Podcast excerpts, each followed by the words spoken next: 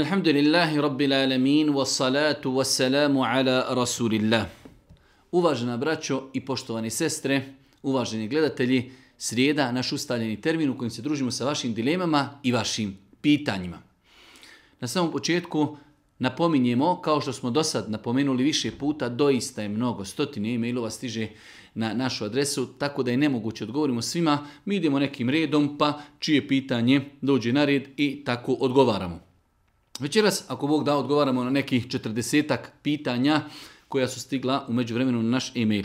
Jedno duže pitanje u kojem jedna sestra kaže da je udata nekih deseta godina i nakon toga u jednom periodu znači desilo joj se da je oslabila imanski i da je počela se dopisuje sa nekim muškarcima, nije imala nikakav fizički kontakt osim dopisivanja, iako kaže da njen muž je E, pažljiv prema njoj, nikada nije zakazao u pogledu e, njenih prava, pa sada pita šta je njena obaveza i šta da uradi. Ono što insan može u takvim situacijama da uradi jesu sljedeće stvari. Prva stvar jeste istinsko pokajanje prema uzvišnom Allahu te treba da se insan pokaje i da čvrsto odluči da nikada se više neće vratiti na takav grijeh. To je jedna stvar. E, imamo opođenje prema tim nekim muškarcima s kojima je žena stupala u kontakt takvi osobe najbolje da budu ili blokirane ili da budu izbrisane sa svoga nekog imenika u mobitelu, a ono možda i najbolje šta je u svemu tome da ta osoba, ženska osoba, promijeni broj telefona kako joj se takve osobe ne bi dodatno mogle javljati i ne daj Bože možda poljuljati njenu teubu, znači da je počnu ucijenjivati i tako dalje. Tako da E, najbolje je možda u takvom e, slučaju da osoba promijeni broj telefona i ako Bog da na taj način riješi određene probleme. I ostaje taj moment prema mužu. Znači imamo tri stvari, odnos prema gospodaru je pokajanje, odnos prema tim osobama s kojima je nekada imala kontakt apsolutno, znači apsolutno bez ikakvog kontakta i na kraju ostaje odnos prema svome mužu. Teuba inšala je dovoljna, ali ostaje to što je osoba učinila kao vid prevari, jedan mali vid prevari, da se pokuša dodatno potruditi u dobročinstvu prema svome mužu. Znači dodatno dobročinstvo u nadi da će uzvišnji Allah subhanahu se smilovati zbog toga, znači zbog tog vida kontakta s muškarcima, da poveća e, dobročinstvo, pokornost, znači prema svome mužu. To je nešto što bi mi mogli kazati. Svakako savjet svima nama da pazimo kada su u pitanju konverzacije sa osobama koji nam nisu mahremi, e, kada su u pitanju udate sestre, da pazi s kime komuniciraju, kada su u pitanju braća muškarci, da pazi s kime e, komuniciraju, kako ne daj Bože ne bi dolazili do ovakvih problema. Drugo pitanje, Zanima me pitanje vezano za učenje ruke. Naime, vi ste u nekoliko navrata napisali da je učenje ruke jedini ispravan način liječenja od sihra. Nakon toga kaže, mada ono što me zbunjuje jeste da mi je na Instagramu izbačen hadis koji kaže da će 70.000 sljedbenika Božeg poslanika ući u džene bez ispitivanja, a to su oni koji su izbjegavali rukju. Znači, braćo moje drage i sestre, jedna od naših sestara je postavila pitanje gdje kaže mi dosta puta kroz naša predavanja govorimo da je jedini način liječenja od sihra rukja. A postoji hadis Božeg poslanika ali se letu u kojim stoji da će 70.000 sljedbenika Muhammeda ali se letu sram uči u džennet bez polaganja računa. Pa je Boži poslanik opisao te ljude, pa je za njih kazao la jester kun, oni ne traže da im se uči rukja. Oni ne traže da im se uči rukja. Znači toliko, su toliko se oslanje na uzvišnog Allaha te bar i kad imaju problem, oni svoj problem go, kazuju gospodaru Allahu subhanahu i ne traži da im neko uči rukju. Svakako, u ovoj situaciji ne isključuje da neko drugi dođe i da njima uči rukju, oni to nisu tražili. Pa ako je čovjek bolestan i trpi bol, ne želi da traži rukju, dođe čovjek koji uči rukju i njemu uči rukju, on i dalje potpada pod ovih 70.000 koji nisu tražili da im se uči rukja. E, ovo je jedno dugo pitanje i dalje ostaje da je jedini način liječenja od sihra učenje ruki. Sada vraća se na nas koliko smo jaki i imanski kada imamo musibet, da li ćemo mi biti spremni da trpimo, da se oslonimo na uzvišnog Allaha subhanahu wa ta'ala jer je on sve mogući, može nas izliječiti, može nas sačuvati, može nas zaštititi ili ćemo poduzeti ove neke dunjalučke korake kako bi se izliječili. Tako da, e, insan ne mogu svi biti od ovih 70.000, jednostavno i učenje ruke je dozvoljeno. E, ne mogu svi imati toliko jak imam pa da se oslanjaju na Allaha i da trpe bolest. Znači, e, tako da ostaje i dalje da je odgovor isti, ljudi znači koji imaju problema sa sihrom mogu tražiti odlazak odlazak znači odnosno mogu otići kod onih koji uče rukju da se liječi od bolesti koja ih je zadesila ako je neko toliko jak imanski e, trpi boli, strpi bolove, oslanja se na uzvišenog Allah želi da potpadne pod ovih 70.000, to je njegovo pravo, ali isto tako oni koji odlaze kod učača ruke, ne treba niko da im e, zbog toga prigovara, znači jednostavno oni pokušavaju da poduzmu dunjalučke razloge da bi se izliječili. Nadam se ako Bog da, da je odgovor jasan. Klanjam jaciju i vitr, ali se probudim baš u zadnjoj trećini noći imam želju i tako dalje. Pitanje je osoba koja je klanjala jaciju, klanjala je vitr. Da li ako ustane prije sabaha, probudi se, što bi rekao, osjeti želju da može klanjati noćni namaz, da li takva osoba može klanjati noćni namaz? Može.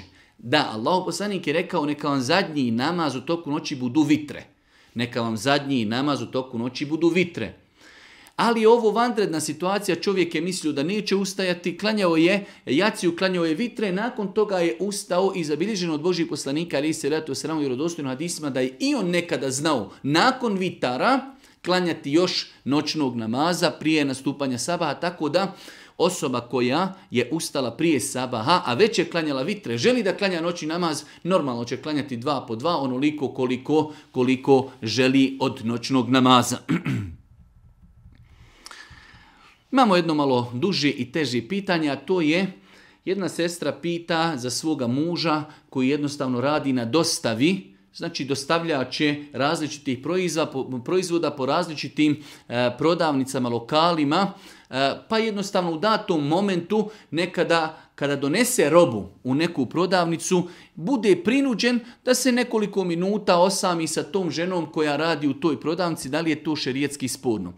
E, Ovdje je u pitanju nužda i ovdje je u pitanju posao. Svakako, Islam je strogo zabranio osamljivanje sa ženom koju čovjek nije mahrem. Ali ovdje se radi da to osamljivanje nije ciljano. Nije čovjek, nije čovjek otišao sa tom ženom i sjedi u svom stanu saha tremena i gledaju film ili nešto slično tome. Znači, ovo su neki kratki momenti gdje čovjek dolazi, iznosi robu, ulazi u svoje auto i odlazi. Tako da, u ovakvim situacijama Allah najbolje zna ta nekoliko minuta puta osamljivanja, ulaska u prodavnicu, popunjavanja nekih papira, nadamo se da nisu sporni, a čovjek treba da prati sebe i svoj hal i svoje stanje. Ako bi, ne daj Bože, osjetio eh, da ima vesvese od šetana, da bi mogao pasti, da bi mogao učiniti grijeh, treba da podigne ručnu, treba da znači traži sebi drugi posao ili nešto slično tomi, da izbjegava ta osamljivanja, ali generalno zbog znači potrebe vremena i prostora u kojem živimo, da čovjek kratko uđe u prodavnicu, preda određenu robu, i stovari, sjedni u auto i da odi u svemu tomi, e, bojeći se Allaha, moleći Allah da ga sačuva, nadamo se ako Bog da, da nije zbog toga griješan. Da li je prije jacijskog farza propisan se klanju četiri rekiata sunnita. Kada u pitanju jacija namaz, prije jacije čovjek kada dođe u džamiju može klanjati dva rekiata tahijetul mesđida. E, nije poznato da postoje hadisi u kojima kaže se da postoji posebna nagrada osobi koja klanja četiri rekiata prije jaciji. Znači ne postoje hadisi u kojima se kaže ko klanja četiri rekiata prije jacije. Da, mogu se klanjati, zato što je to vrijeme opće na fili. Ono što je po meni malo problematično jeste smatrati da se ta četiri rekiata moraju klanjati kontinuirano. To da čovjek klanja četiri, nekada dva, nekada šest, nekada ništa, to je znači sve ispravno, ali obavezati ljude da uvijek klanjaju četiri rekiata prije jacije, e, to je potrebno da imamo dokaz, a nema dokaza. Tako da čovjek, znači kada dođe na jaciju, može klanjati dva rekiata tehijetul da sjesti čekati farze, može klanjati dva rekiata tehijetul da i još klanjati na file koliko može. Tako da, e, znači ne postoji nešto precizirano u sunetu Božih poslanika, ali i letu selam. Vrijeme jeste za opću na filu. Ono što je problematično smatrati da treba svaku noć klanjati po četiri rekiata. To je nešto što je sporno. Imam osjećaj kada klanjam da je uvijek nešto blizu mene kada sam sam u neko doba noći. E, čovjek može se desiti ali to su, kao što skaj, osjećaj, imam osjećaj. Čovjek ne treba da se mnogo e, osvrći na te stvari i da ima nešto, čovjek treba da, da se koncentriše na svoj namaz, da to ignoriše i da ne osvrči se na takve stvari.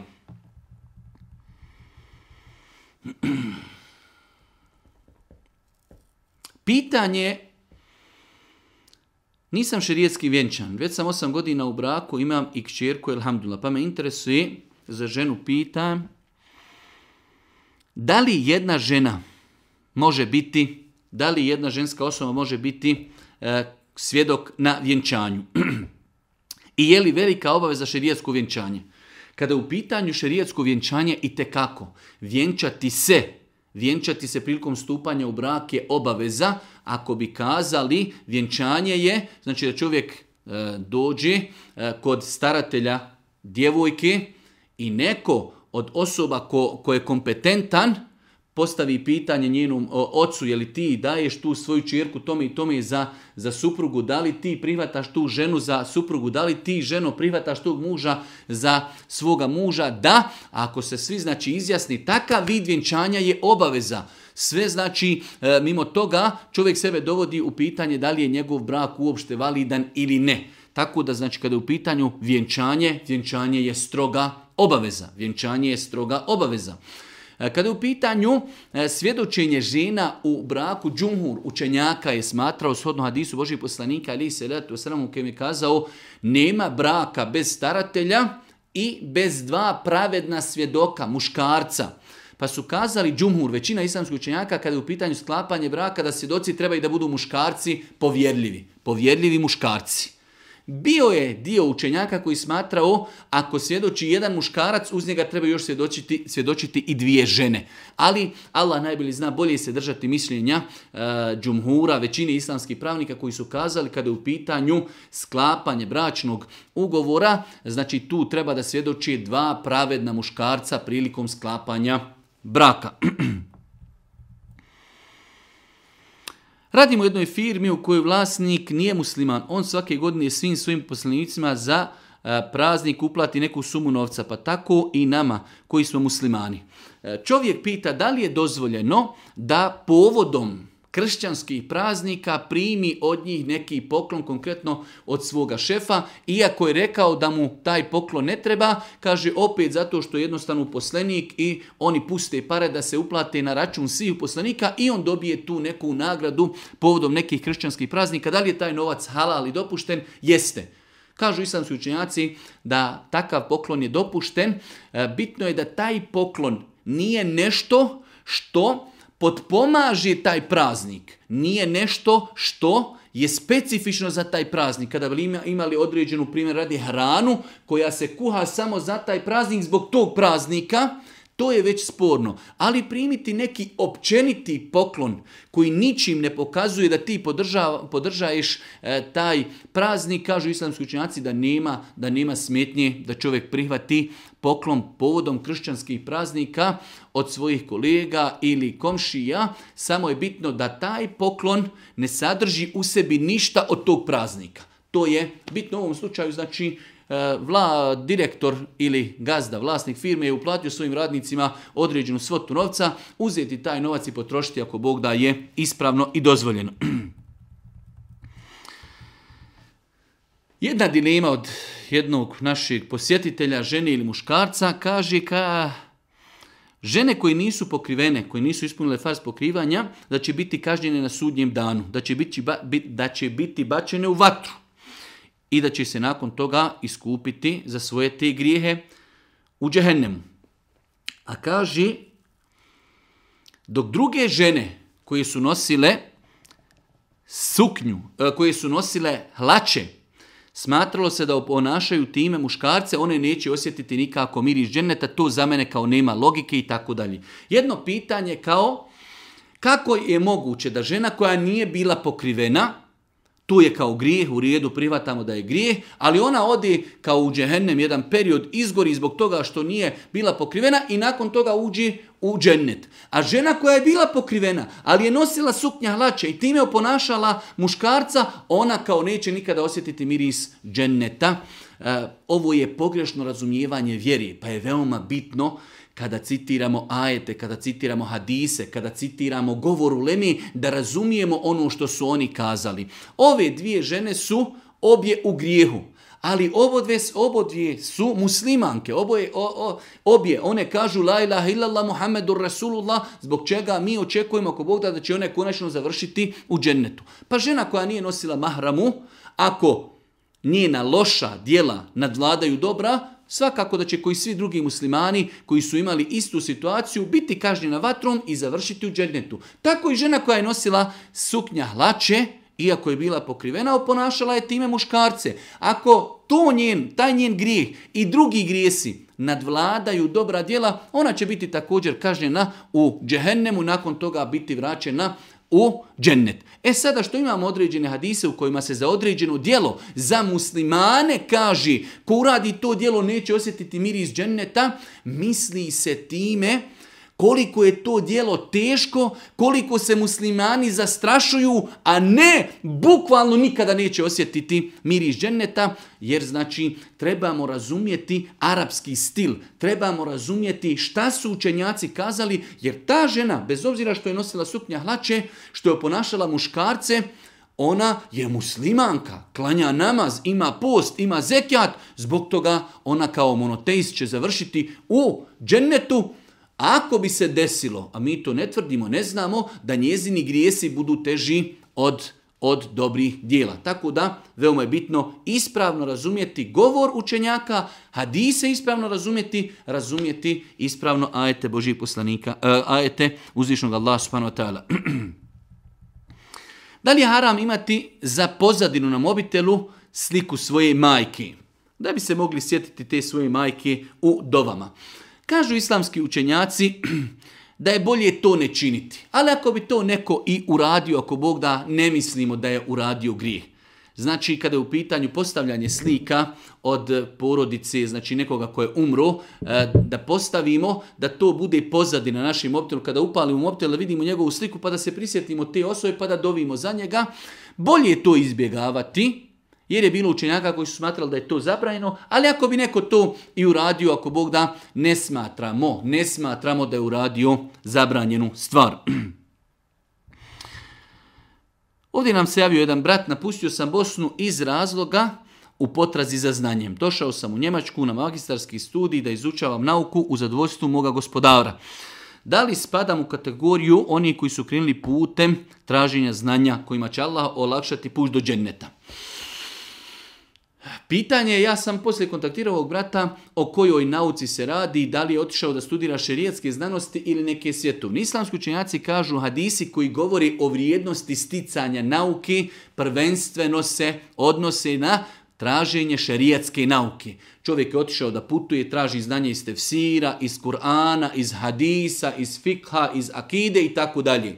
Hadisi, znači koji govori o vrijednosti sticanja znanja, prvenstveno se odnosi, prvenstveno se odnosi na osobe koje studiraju šerijetske znanosti. E sada, Imamo osobu koja studira nešto što nije, znači neka šerijatska znanost, svjetovne nauke, ali kao što nam je došlo u ovom pitanju, čovjek želi da time pomogne ljudima, da pomogne svoju porodcu, da zaradi halal na faku i tako, da bude koristan društvu u kojem živim. Sve su to lijepe nagrade, sve su to lijepe namjere zbog kojih se mi nadamo da će čovjek biti nagrađen kod uzvišnog Allaha subhanahu wa ta'ala. Ne kažemo znači da se na njega odnose hadisi, u kojima se spominje vrijednost traženja znanja, ali definitivno kažemo zbog njegovih namjera. Nije ta studira dopuštenu i halal nauku, želi da obezbijedi sebi egzistenciju, želi da bude moralan, želi da bude odgovoran, želi da pomogne društvu u kojem živi, želi da bude koristan društvu u kojem živi. Sve su to lijepe namjere zbog kojih će čovjek biti nagrađen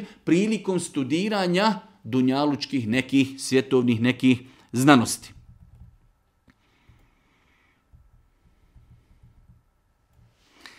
Hoće li insan biti nagrađen ako poslije abdesta uči ešhedu en la ilaha illallah, ešhedu enne muhammeden abduhu wa rasuluh. Došlo je znači u vjerodostojnom hadisu koji bilježi ima muslim od ibn Amira da je Allah poslanik kazao kogod od vas abdesti nakon toga ešhedu, kaže ešhedu en la ilaha illallah, enne muhammeden abduhu wa rasuluhu njemu će se otvoriti osmera dženecka vrata i bit će mu kazano da uđe na koja god želi. Znači da, svakako pitanje je hoće li insan biti nagrađen ako poslije abdesta uči ovu dovu? Da. Znači insan treba poslije abdesta kada završi abdest da kaže ešhedu in la ilaha illallah wa ešhedu enne muhammeden abduhu wa rasulu To je znači dova koja je preporučena sunetom Božeg poslanika da se uči. Za njenu nagradu Allah poslanik je kazao koji prouči kontinuirano bude učio nakon uzimanja abdesta bit će mu rečeno na sudnjem danu uđi u džennet na koja god vrata želiš od osam džennetskih vrata.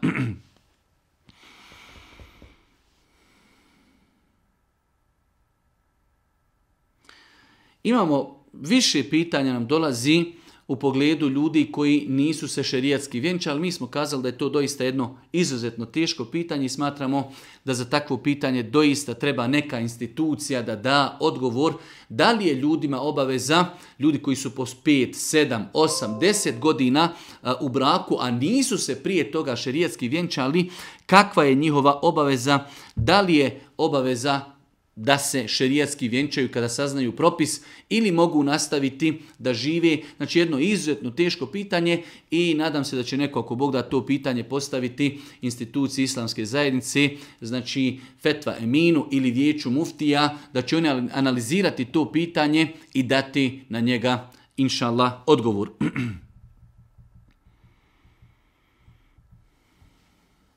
Kaže jedan čovjek, njihov džemat, kaže ja razumijem što se tiče muzike, da su sve, četiri mezheba da smatraju da je muzika haram. Koji su to onda argumenti da naši džemati čak i organiziraju neke stvari gdje budu i pjevači? Naš džemat je jedan od takvih i na kraju čovjek pita da li je bolje da ostanem u našem džematu iako ima takvih grešaka ili je bolje da odem u neki drugi džemat. Mi smo više puta pojašnjavali kada su u pitanju muzika i muzički instrumenti da zaista četiri pravne škole su smatrale da je korištenje muzike i muzičkih instrumenata strogo zabranjeno. Tako da džemat i džemati, džematski odbor i efendije koji vodi takve džemate trebali bi da budu najudaljeniji od nečega takvog da u džematu dovode nekoga ko će nešto organizirati uz muziku i e, pjesmu uz muziku. E sada, da li ostati u takvom džematu ili ne? Ljudi koji žive na zapadu, znači jednostavno e, u jednom gradu u kojem žive imaju mogućnost da budu članovi različitih džemata. Tako da nije obaveza da čovjek bude u jednom džematu, bez obzira što su možda tu njegovi sunarodnjaci, ali mu to nije obaveza. Tako da čovjek treba da bude ondje gdje misli gdje se najljepše osjeća i gdje će biti najkorisniji. Ako ostane u tom džematu, treba jasno i glasno i na lijep način i mudro i džematskom odboru, pa i Efendi da kaže ljudi, vidite, nisam zato da se u našem džematu pravi organiziraju neki e, znači, aktivnosti u kojima će biti muzike i u kojima će biti pjevača.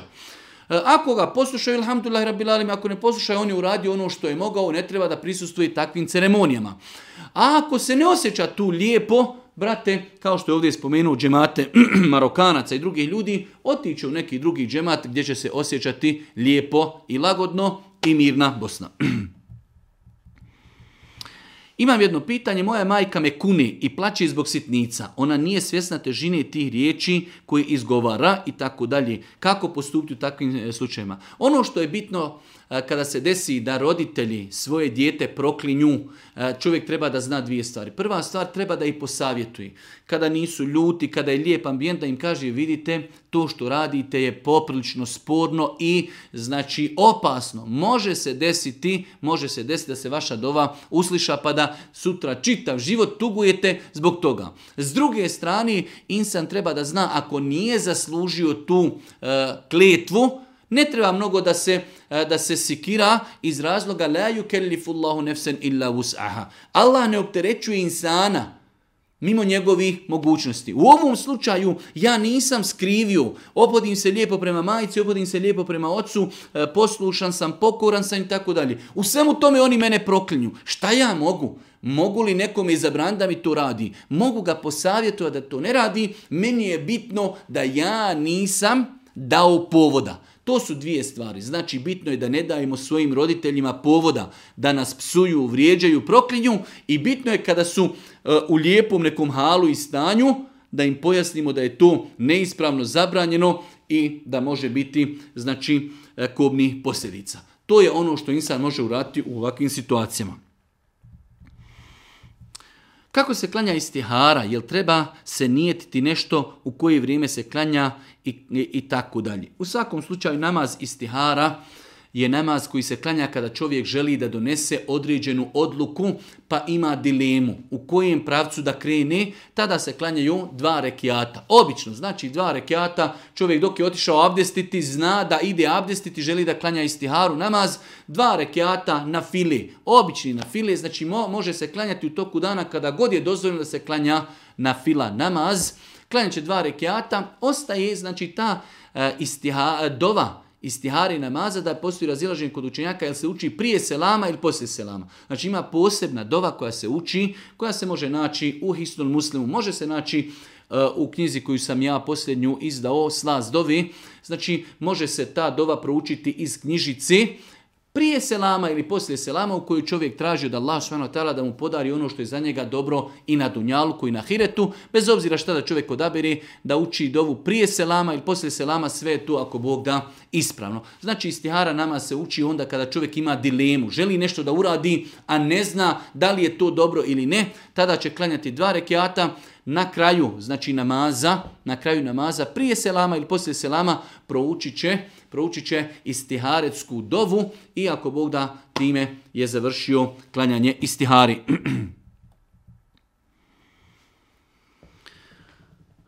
Hoću da znam za teubu.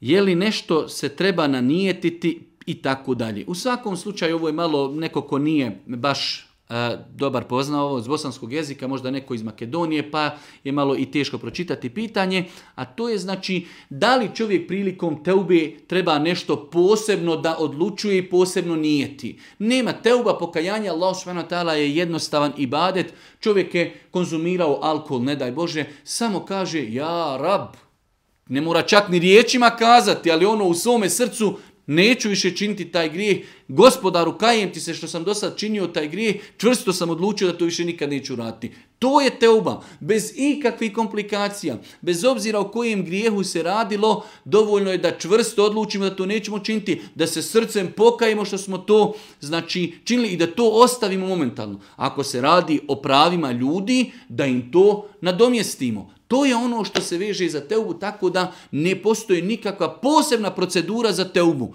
Taj moment našeg srca gdje ostavimo grijeh, gdje se kajemo, gdje odlučimo da nećemo čvrst, da odlučimo da čvrsto da se nećemo vraćati na taj grijeh, to je ono znači što se od nas traži kada je u pitanju teuba i pokajanje.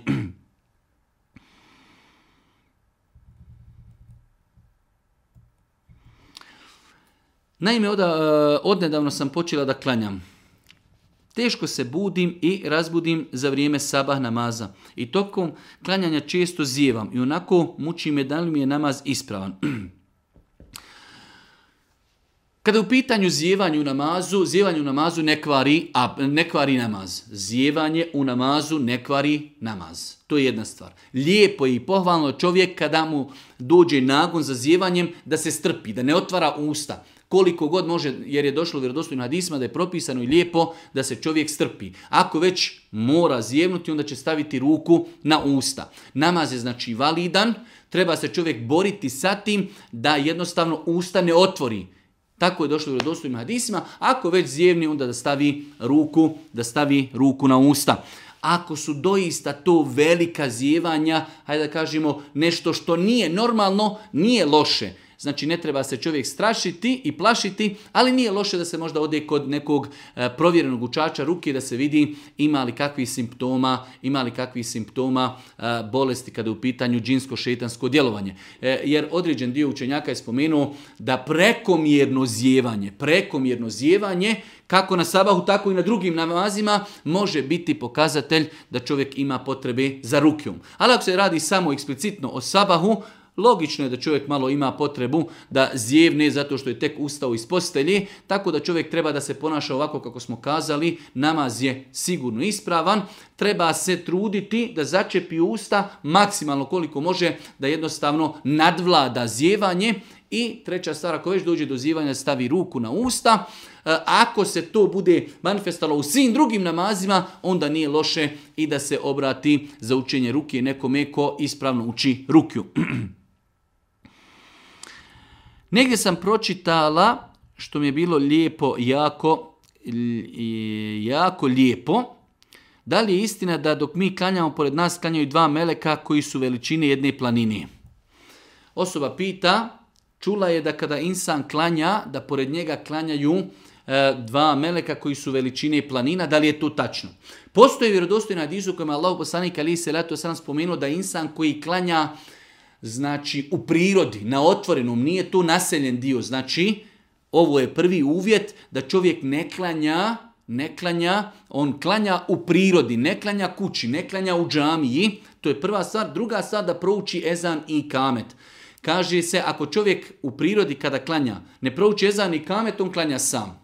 Ako prouči samo i kamet, sa njim klanjaju dva meleka koja su zadužena za pisanje njegovih dobrih dijela, a ako prouči i ezan i kamet, i za njega klanja toliko e, meleka i toliko Allahove vojske da su znači od istoka do zapada poridani toliko mnogo klanja, znači meleka i Allahove vojske, da znači e, neprebrojivo, neprebrojivo mnogo od istoka do zapada. Znači, ako čovjek klanja u prirodi, to je prvi uvjet, klanja znači, ako klanja sam, tada, odnosno ako nije učio ezan i kamet, klanja sam. Ako prouči samo i kamet, tada sa njim klanjaju dva njegova meleka koji zapisuju njegova dobra i loša djela, a ako prouči i ezan i kamet, tada iza njega klanja, e, klanja dosta melika.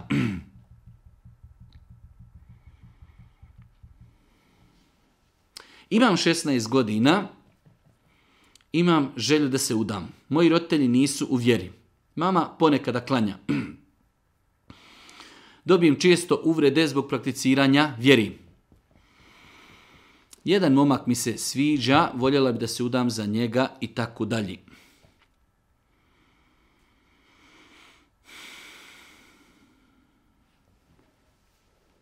Pitanje je, na kraju krajeva, da li kao može da osoba da se uda, ali i dalje da živi kod svojih i da e, kao takva završava i da ide, završi školu, e, a, da njen muž živi kod svojih roditelja. To je nešto što ja ne preporučujem nikako, ali ako bi već bila nužda da se to uradi onda u saglasnost, obostranu saglasnost roditelja.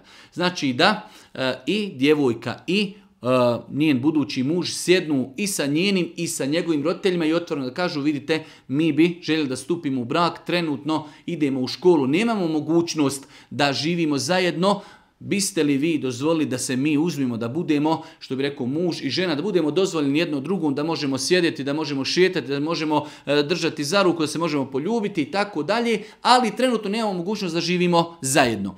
E, ja inače to nikako ne preporučujem, ali ako bi se išlo u tom pravcu, onda to mora biti uz obostranu saglasnost te dvije porodice zbog problema koji mogu nastati e, u budućnosti. U protivnom najbolje je osaburiti do onog momenta dok e, te dvije osobe, djevojka i njen budući muž, budu imali mogućnost da imaju, ako Bog da, e, zajednički život, da imaju, da plaćaju kiriju ili da će živjeti kod njeznog oca ili kod njegovog oca dok ne donesu odluku da negdje počnu zajedno živjeti. Ali taj način da ona živi kod svojih, on živi kod svojih je poprilično, poprilično pokazalo se kroz znači praksu da nosi u sebi mnoge probleme. Tako da ja nikako to ne savjetujem. Ako bi se išlo u tom pravcu, onda uz saglasnost e, dvije porodice, u protivnom saburati i čekati dok ako Bog da imadnu mogućnost da zasnuju e, pravu porodcu koji će živjeti ili kod njenog oca ili kod njegovog oca ili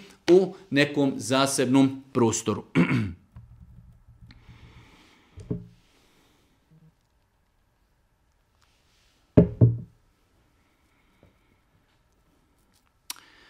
Htio sam pitati ako mi žena nije dovoljna u određenim situacijama, nekada me izbjegava, je li meni, jesam li griješan ako iznevjerim sa drugom suprugom. Inače je žena čestita, dobra supruga, dobra majka i tako dalje. Čovjek koji ima problem da njegova supruga ne može ispuniti njegova intimna očekivanja, Haram je. On pita ovdje mogu li iznevjeriti sa drugom ženom. Haram je čovjeku oženjenom da ima intimni kontakt sa bilo kojom drugom ženom, znači mimo svoje ženi, osim putem poligamije, a to je drugi brak koji se ni u čemu ne razlikuje od prvog bratka. Znači varati ženu je haram, znači i prije braka i poslije braka. Još je teži da blud počini čovjek koji je oženjen. To je znači pravilo u islamu da je teži grijeh da počini blud osoba koja je u braku. Tako da ako čovjek već ima potrebu za ženom, ima potrebu za ženom, neće to rati na haram način kroz blud, ako ima mogućnost neka se znači e, ispravno oženi putem poligamije, ako nema onda neka malo osabori. Varati ženu nije znači dozvoljeno nikako.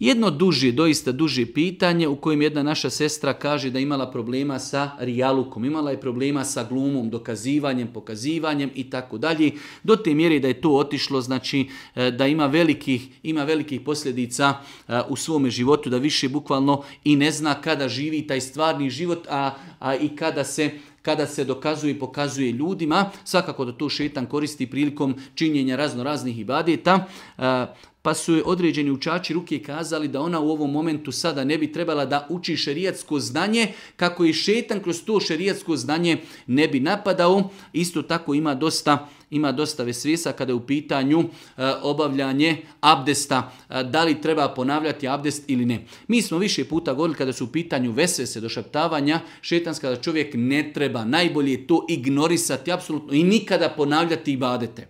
Osoba koja je došla do kraja e, abdesta, nikada ne treba ponavljati ponovo abdest. Osoba koja je završila namaz, nikada ne treba ponavljati, nikada ne treba ponavljati namaz. Tako kada je u pitanju ponavljanje ibadeta, nikada. Apsolutno ignorisanje.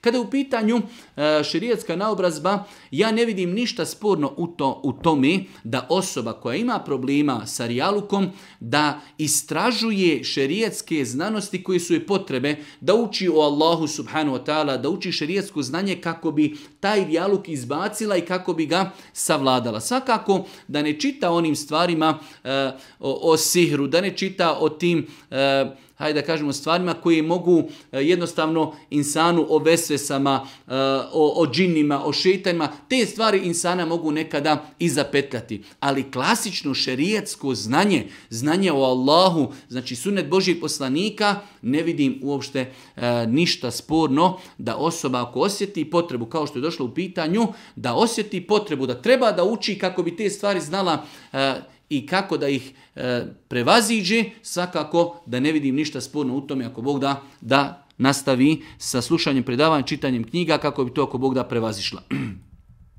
da li je dozvoljeno ženi da se farba u crno?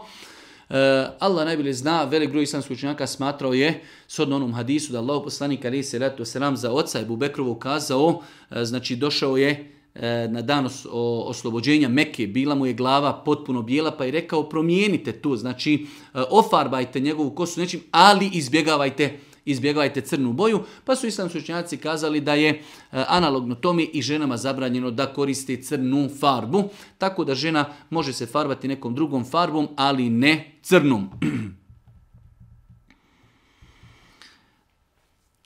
Da li je haram ili pokuđeno stavljati nešto na Kur'an poput drugih knjiga?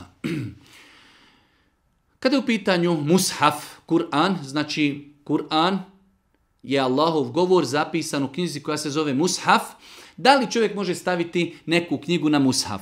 Ako su u pitanju šerijatske knjige, zbirke hadisa ili nešto drugo, kažu islamski učenjaci da e, ne bi trebalo da se nešto stavlja na mushaf. Uvijek mushaf, Kur'an treba da bude gornji. To kad su u pitanju šerijetske knjige kažu da je pokuđeno. Ako je u pitanju e, neke druge knjige, onda je pokuđenost još mnogo veća. Znači uvijek treba da Kur'an bude gornji i da se stavlja na knjige. E, znači manja je pokuđenost ako su u pitanju šerijetske knjige u kojima se nalaze šerijetsko znanje, a veća je pokuđenost ako se radi o nekim drugim knjigama.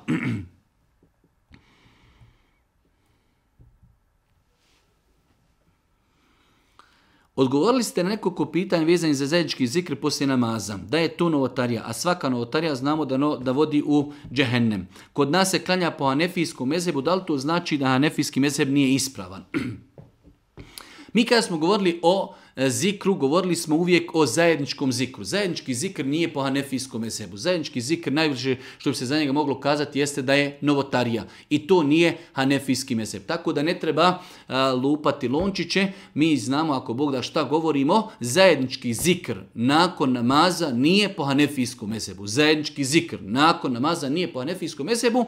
E, to je jedna stvar. S druge strane, ako bi za određeno pitanje u Hanefijskom mesebu i kazali da nije tačno, nismo na taj način kazali da je kompletan meseb neispravan. Jer svi imami, svi imami od Ebu Hanife i Malika i Šafi, Ebu i Ahmeda ibn Hanbela, svi su govorili ako nađete nešto u našem mesebu što nije ispravno, to odbacite, prihvatite sunnet. Svi oni su govorili da ima nešto u mesebu što nije ispravno. Pa ako to uočimo, ako nađemo, da to odbacimo, da prihvatimo sunnet Božih poslanika, ali se letu Tako da znači kada je u pitanju zajednički zikr nije propisano, to je novotarija, to nema nikakve veze sa hanefijskim mezhebom, a isto tako nema smetnje da se on određena pitanja u hanefijskom mezhebu ukaži da se kaže ima u drugom mezhebu jači dokaz i jači mišljenje.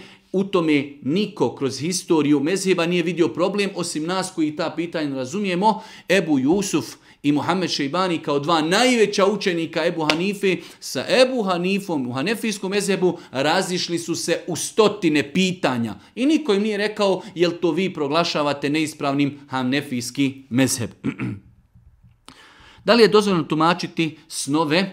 E, da li je dozvoljeno tumačiti snove? E, tumačenje snova je posebna nauka e, znači tumačiti snove može osoba koja je kompetentna, koju je Allah subhanahu wa ta'ala prvenstveno podario razumijevanje, mogućnost tumačenja snova. Da li je dozvoljeno tumačiti snove? Da. Ko će ih tumačiti? Onaj koji je kompetentan. Ne može svako tumačiti e, snove i tumačenje snova je nauka koja se prvenstveno dobiva kao dar od uzvišenog Allaha subhanahu wa ta'ala, a može se dodatno znači vremenom e, proširiti i projačati, ali generalno prvenstveno to je nauka dar od uzvišenog Allaha subhanahu wa ta'ala. Pa da li se snovi mogu tumačiti? Mogu, od koga? Od strane kompetentne osobe nikako, nikako čitajući sanovnike.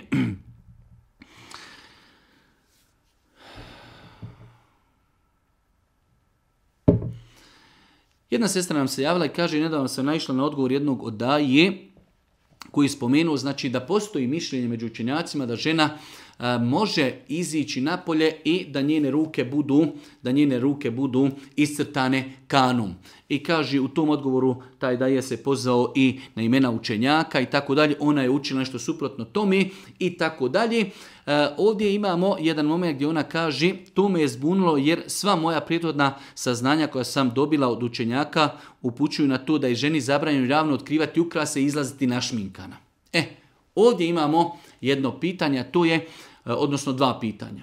U pogledu e, znači e, toga da žena na rukama ima kanu i tako izlazi napolje, postoji razilažen kod učenjaka, mi smo uvijek preferirali i govorili da žena muslimanka ne bi trebala da to radi. Žena muslimanka ne bi trebala da to radi, jednostavno to je ipak vid ukrasa i žena muslimanka bi trebala da pokrije svoje ukrase. To je bio naš stav i ostajemo ako Bog da pri tom stavu, respektujući, poštujući druge stavove za razliku od šminki, ne znam da postoji neko od učenjaka savremenog doba koji je dozvolio da žena može izlaziti napolje našminkana. Ako je žena već našminkan, treba tu šminku da prekrije, treba tu šminku da prekrije i znači da nosi nikav ili da prilikom izlaska iz kuće znači opere i očisti šminku. Šminka je znači dodatan ukras, dodatan ukras na licu žene za kojeg ne znam da je neko od islamskih učenjaka dozvolio kada je u pitanju znači stavljanje kani na stavljanje kanji na ruke doista postoji različiti stavovi e, islamskih učenjaka u pogledu toga mi smo preferirali stav da je prioritetnije da to žena muslimanka i ne radi. je li istina da nije fino djetetu davati ime osobe koja je mlada preselila? Nije tačno. Nije tačno, znači mi, naše dijete se rodilo, želimo da mu nadijemo ime neke osobi koja je mlada preselila, znači isto je ime. To čak može biti vid sujevjerja. To, je, to može čak biti vid sujevjera. Kakve veze ima naše dijete i njegovo ime sa imenom i osobom koja je mlada umrla? Tako da to su dvije stvari koje ne treba nikako vezivati. Ako imamo rođaka koji se zvao, ne znam, nija Hasan ili Husin ili e, Enes ili Vako ili Nako ili ovaj ili onaj, Mlad umro, to nema nikakve veze sa našim djetetom koje se rodilo, ima svoju sudbinu, ima svoj kader, ima svoje ime. Tako da te dvije stvari nemaju nikakve dodirne tačke, znači to što je neko umro mlad, ima određeno ime, nema nikakve veze sa nama i sa našim djetetom. Še zanima da li je Ilahija Ahmede Mohamede zabranjeno zaslušati pošto ima muzike u sebi. Generalno, da li su Ilahi koji imaju u sebi muziku dopušteni ili ne? Mi kažemo zabranjeno je slušati muziku. Da li će određena ilahija biti s muzikom ili ne, to je drugo pitanje. Ilahije se mogu slušati ako u njihovom tekstu nema ništa sporno i ako nema muziki. Ako ima muzike, onda ne postoji razlika između nekog pjevanja i te ilahije s ovog aspekta. Znači, ilahije se mogu slušati ako u njihovom tekstu nema ništa sporno i ako nema muziki. Ako ima nešto sporno, ne treba zbog te spornosti. Ako ima muzike, ne treba zbog muzike. Tako da bilo koja ilahija koja je snimljena, ima znači e, u pratnji i u pozadini muzika, ne treba takvu stvar slušati. Ovo ćemo, ako Bog da, da budu posljednja dva pitanja. Današnji, ako Bog da naše, je predavanje nešto i kraće. Evo, odgovorili smo na 30 nekih e, vaših pitanja i dilema iz određenih tehničkih razloga. E, ovo predavanje će biti nešto malo i kraći. Ako Bog da, pokušat ćemo da e, nadomjestimo u narednim danima, da imadimo još jedan termin u kojem ćemo, ako Bog da, odgovarati na vaša pitanja. U tumačenju Adisa kažete da je jedan od velikih grijeha neposlušnost roditeljima u tumačenju hadisa kažete da je, to nama se neko obraća i kaže vi kada tumačite hadise o nepokornosti roditelja kažete da je to veliki grijeh. Da, i dalje stojimo iza toga da je nepokornost roditeljima veliki grijeh. Ali, znači, ta nepokornost ima svoje granice. U čemu? Ako roditelji narede svome djetetu da im kupi duhan, tada i dijete neće poslušati i to se ne smatra nepokornost. Pa se kaže, ako roditelj želi da odaberu ženu svome sinu bez konsultacije sa sinom, a sin to odbije, je li to grije, je li tu griješan? Nije griješan, zato što je pitanje vezano za njega. Znači, ne smijemo e, lupati lončiće. Dijete treba da bude pokorno roditeljima onome što oni traži od njega, ali nije vezano za njega. U ovom slučaju oni njemu biraju ženu i ne pitaju njega zato i on ako to odbije da li je pokoran ili nepokoran. Ima potpuno pravo da kaže izvinite, Allah vas nagradio na jedan lijep i kulturan način, ali ja sam taj koji će sebi birati buduću ženu i njen izgled i njenu ljepotu i njenu vjeru i njeno porijeklo. I neće biti griješan ako to odbije, ako Bog da, na lijep način. Kaže, u drugom e, pitanju, i to je posljednje pitanje koje ćemo danas odgovoriti, često se kaže da čovjek koji ponaša nevjerike postaje jedan od njih. Ako koristimo sve ono što su nevjernici ismili, struju, telefon, računar, televiziju, automobil, da li se time postaje nevjernik?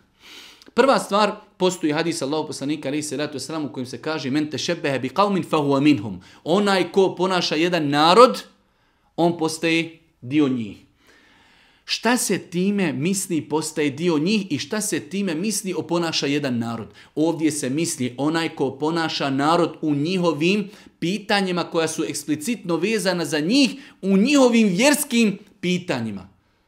Koristiti tehnologiju i to što su izmislili nevjernici nikada niko od islamskih učenjaka nije smatrao spornim. Auto se može koristiti na halal i na haram način. Pitanje kako ćemo to mi koristiti. Mobitel se može koristiti na halal ili na haram način. Pitanje kako ćemo to mi koristiti. Tako da, znači, Ko oponaša jedan narod u onome što je specifično za njih, u onome što je vezano za njihov vjeru, postaje jedan dio od njih.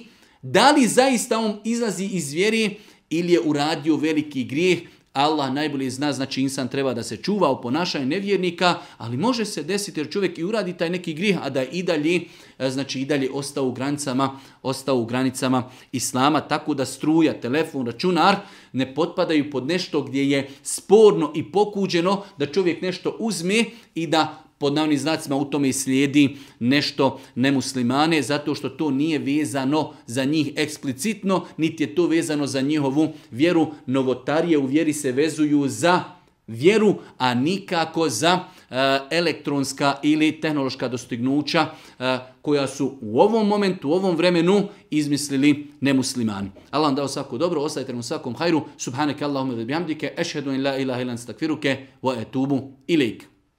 Oh. oh, oh.